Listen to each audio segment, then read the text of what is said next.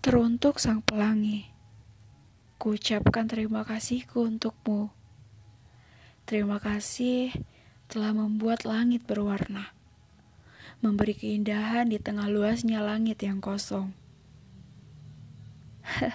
Setidaknya alam tampak indah saat kau datang. Langit pun memaafkan sang badai yang membawa kesakitan sebelumnya.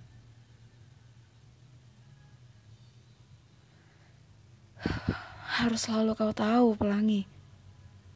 Ku tak memaksa kau untuk selalu hadir. Karena itu memang tugasmu. Datang setelah badai menerpa. Jika langit telah berseri kembali, sudah saatnya kau pergi. Selamat, karena tugasmu kini telah usai. Saat kau pergi, Perlahan warnamu memudar. Hingga tak ada satupun warnamu yang nampak. Langit pun kembali gelap. Hmm. Lantas apa?